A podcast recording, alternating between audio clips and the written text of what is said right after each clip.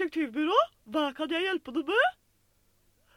De vil snakke med detektiven.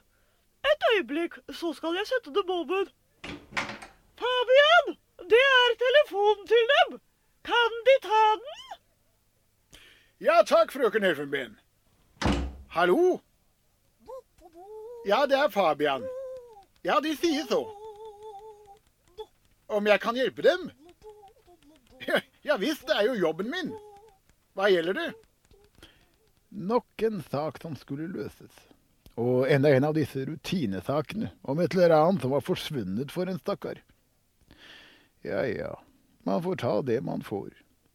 Selv en mesterdetektiv har oftest rutinesaker å slåss med.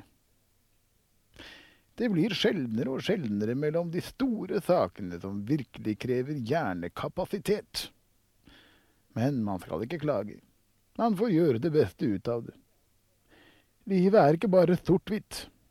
Det er mye grått. Mange grå dager som er like. Ja, sant nok. Helt grå kan jo ikke hverdagen bli så lenge jeg har frøken Elfenben, min sekretær. Hun krydrer vanligvis tilværelsen med sin morsfølelse for meg. Men til å være elefant, så skjøtter hun jobben sin meget bra. Vet du, noen ganger, ja, faktisk ganske ofte, lengter jeg tilbake til livet jeg levde som ung førerhund, sammen med Martin.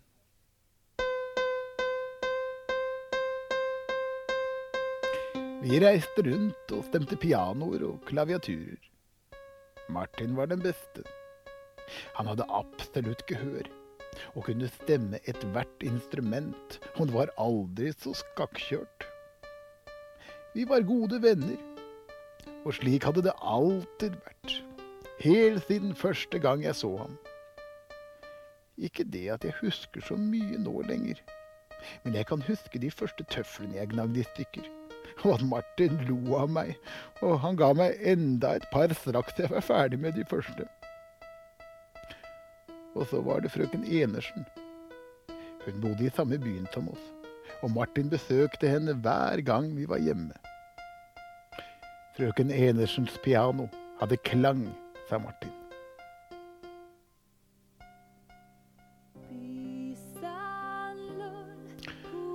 og stemmen hennes var vidunderlig og fortryllende. Ja, jeg kan faktisk se det for meg. Martin i frøken Enersens piano, og frøken Enersen i kjoler som nesten var magiske. Hun står bak pianoet og synger. Jeg ser Martins blinde øyne bli så levende. Han beveger seg til musikken, og hun lar tonene trille frem fra munnen og ut i rommet. I ettertid har jeg stadig tenkt at kanskje Martin så henne. Ja, så henne med øynene sine. Kanskje hun var den eneste han kunne se. Hos frøken Enersen bodde Lulu. Lulu, min øyensted. Det eneste jeg har igjen etter henne, er en sort hårlokk med rosa sløyfe på. Den ga hun meg kvelden før Martin døde. Når frøken Enersen tryllet frem magiske toner for Martin, som svaiet ved pianoet, lå Lulu og jeg som regel foran peisen og lyttet. Vi lå helt stille, helt stille ved siden av hverandre. Vi snakket ikke, bare lyttet, og vekslet en sjelden gang et blikk eller to med hverandre.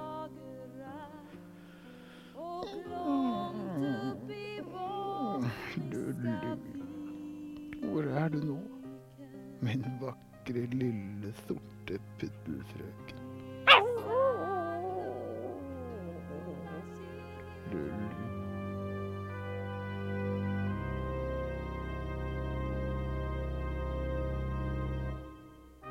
Siste gang jeg så henne, var på den sorteste dagen i mitt liv.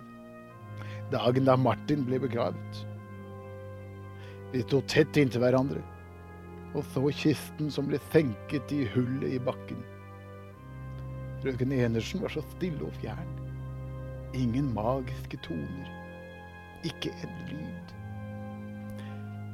Etter at jorden var kastet på kisten, ble de borte.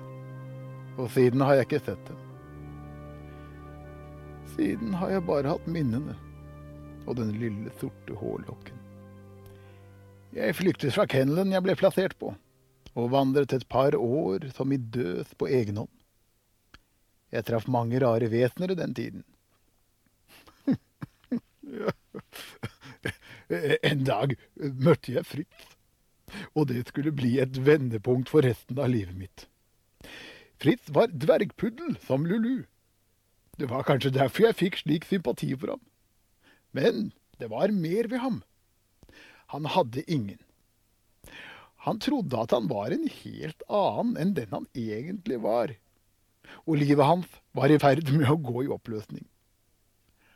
Han lette etter seg selv, og trodde han hadde funnet seg, og han var fryktelig nervøs. Han skvettet hele tiden på alt han kom over, og vårt møte startet med at han skvettet på meg. Det var en mørk høstkveld for mange år siden. Jeg hadde gått til ro i en gammel strisekk da jeg plutselig våknet av at noe vått og varmt tildret over min høyre bakfot. Jeg bykset opp, og, foran meg så sto det rareste jeg noen gang hadde sett.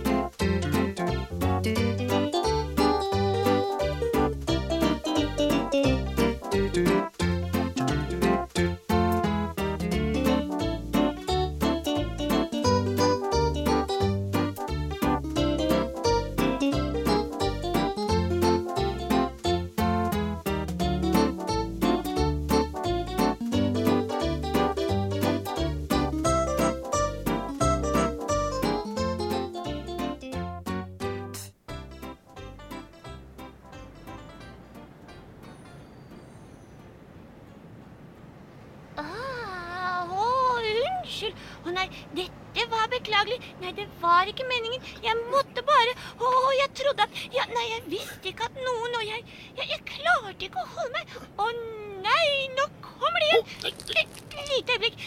Åh. Det må jeg si. Ikke at jeg har noe imot litt varme på mine frosne poter på natterstid, men dette går noe over de ønsker selv en støvete landeveishund måtte ha. Ja, ja, nei, nei, altså, jeg, blir bare så skrekkelig nervøs. Og av og til så klarer jeg ikke å holde på det. Men det, det, det, det, må- bare ut. Og da klarte jeg rett og slett ikke å holde på. Og det lenger, og noen ganger så får jeg ikke gjort annet enn å gjøre dette hele tiden. Og slik har det alltid vært, så lenge jeg kan huske. Ja, altså, hver gang noe spennende har ventet på meg. Og ja, og ja nå, nå, nå, nå, er det sannhet. Er det noe spennende som Ja, du får virkelig unnskylde. Et øyeblikk, lille venn. Hvem er de, og hvor skal de? Jeg, jeg er Fabian. Tidligere førerhund. Hei, stopp! Se den for! Oi! Å, au! Å! Å, skallen min! Å nei, ikke nå igjen. Nei, nå må jeg slette igjen. Å, å. Nei, vent litt. Å nei, å, unnskyld. Å, det- Å, å, nei, det var Uff a meg. Det var litt 16, du. Ja, det er den 14. i dag. Den 14. gangen de kolliderer med en stolpe på en slik måte, min gode mann. Ja, nei, det er ikke bare stolper, det er søppelkasser og mennesker, og vi har butikkboder og brannhydranter, drikkefontener, parkerte biler, kasser, trær, barnevogner osv. osv. Men det fins ikke den ting som jeg ikke har slått skallen i. Det, det, det må da være fryktelig ubehagelig. Ja, det er både ubehagelig og så er det upraktisk. Og du forstår, det er noe med øynene mine. Ja, Hvis jeg ser en lys skikkelse for meg som jeg kan henge meg på, og da går det greit. Men ulempen kan være at jeg ikke helt vet hvor jeg havner. Du trenger sannelig meg, kamerat. Jeg, jeg forsøkte å si at jeg er Fabian. Tidligere førerhund. Utdannet ved de beste skoler. Til tjeneste. Hører hun? Sånn ekte, sånn, uh, som går foran blinde. Uh, sånn som ser om det er klart. Det er fikken og sånn. Ja. Sånn helt ordentlig førhund. Åh, du store risenschnauzer. Åh, oh, et øyeblikk. Jeg, jeg, jeg må bare Åh. Hva i alle dager gjør du her? Ja, det er en lang historie. Sett deg rolig ned, så skal jeg fortelle deg. Og så får kanskje jeg høre din historie også. Ja, Han roet seg ned, og hele natten delte vi hverandres liv med hverandre. Han fortalte meg en vanvittig historie. Når det ble som mest dramatisk, så måtte han ta seg en liten runde for å skvette litt. Fritz var vokst opp i en merkelig familie, som bare besto av rottweiler. Han kunne ikke forklare meg hvordan han som dvergpuddel var kommet dit. Men han husket at han hadde følt seg annerledes hele livet. Han hadde lett blant alle levende skapninger for å finne sin like. Og nå til sist var han helt sikker på at han måtte være et dyr som gikk i luften. Altså en fugl. Noe Fritz ikke forsto. I tillegg til at han var lite opplyst, så var han også noe svaksynt. Og denne kombinasjonen hadde fått fatale følger for Fritz. Vi var sammen to-tre dager, og jeg forsøkte å forklare ham at han tok feil. Men han ville ikke høre på slik snakk. Og en morgen så var han plutselig borte. Han hadde bablet et eller annet om byens høyeste hus, og en iskald følelse grep tak i kroppen min.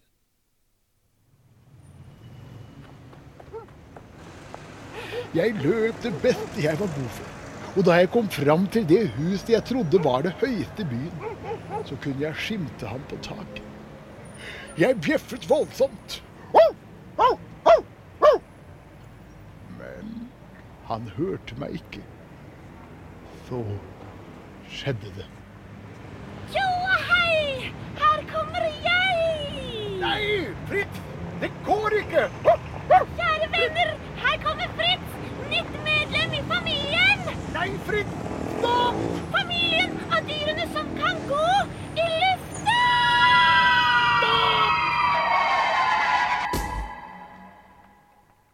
Han hoppet ut, og bena gikk som trommestikker.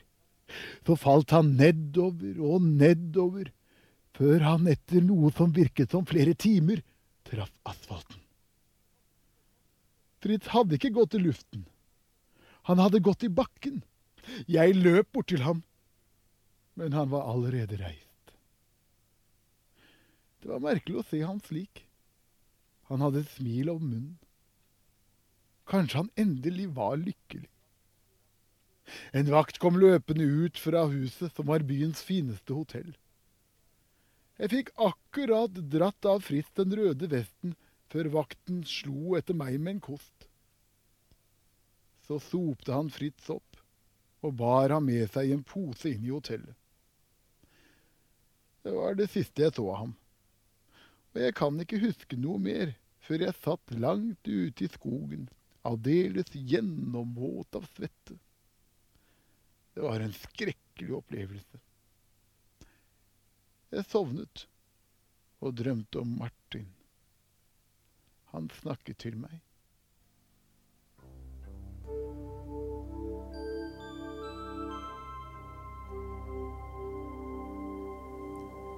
Fabian, Fabian, det var ikke din skyld.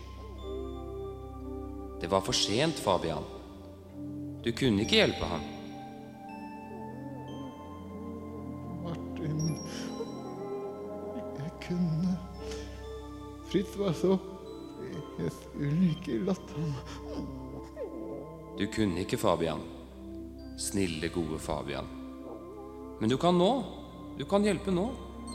Hjelpe andre, Fabian. Hjelpe andre som har det vondt. Du vil hjelpe mange, Fabian. Opp med deg. Opp med deg, gamle venn.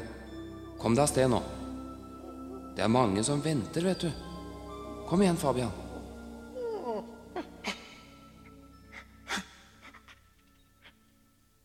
Jeg våknet av min egen klynking. Martin! Martin! Er du her? Martin! Hjelp meg. Men ingen svarte. Det eneste jeg hørte, var morgenfuglene. De sang, og mellom trærne kunne jeg skimte solen som var i ferd med å stige opp i øst. Jeg rettet meg opp og så den røde vesten til Fritz, som lå ved siden av meg. Så vendte jeg ansiktet opp mot den oppadstigende solen og sverget at jeg alltid og overalt skal hjelpe alle som trenger hjelp. Og at jeg særlig skulle ta hånd om de som ingen andre brydde seg om. Jeg sverger ved alt som er godt, at jeg alltid og på alle steder skal hjelpe trengende, og at jeg på en særlig måte skal tjene de minste blant de minste at ingen sak skal være for liten for meg, men at jeg alltid har tid til alle. Måtte Gud hjelpe meg.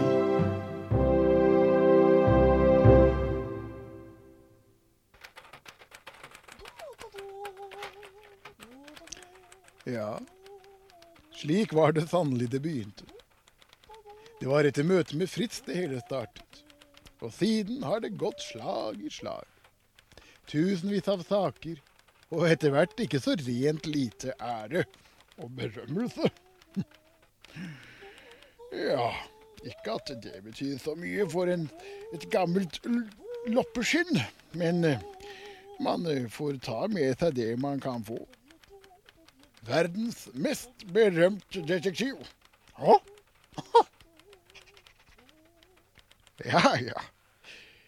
Livet går dit det vil, og det meste går bra. Nå, Fabian, sitter du og drømmer igjen? Nei, slikt har man ikke tid til. Ikke engang om man er mesterdetektiv. Jo, men, Nei, nå er det på tide å komme seg av gårde. Skal Ja, vi ja. se. Du har et møte klokken 12, og så har du ett klokken 13. ja. Så skal du på lunsj klokken 14, og du må være tilbake her klokken 14.30. Klokken Ja, ja. 14.35 kommer eggefru Pingo for å drøfte sikkerheten ved det store isshowet. Ja, Og etter henne så vil ja, ja, ja, frøken Elfenben. Et lite øyeblikk bare. Jeg, har- jeg har noe som jeg må ordne. Jeg, jeg kommer straks. Jeg har et gammelt smørbrød. Og en mørk kokesjokolade her et sted. Skal vi se Hvor var det jeg la dem igjen? Det er mat for Mons. Noe annet enn lunsjbord og luftmat. Hæ? Å. Ja, ja, her ligger de. Eh, Men hva er dette? En gammel sak jeg har hatt. Eh, Den ser riktig spennende ut. Jeg får kikke litt nærmere på den senere. Og der er et smørbrød. Mm, Vent,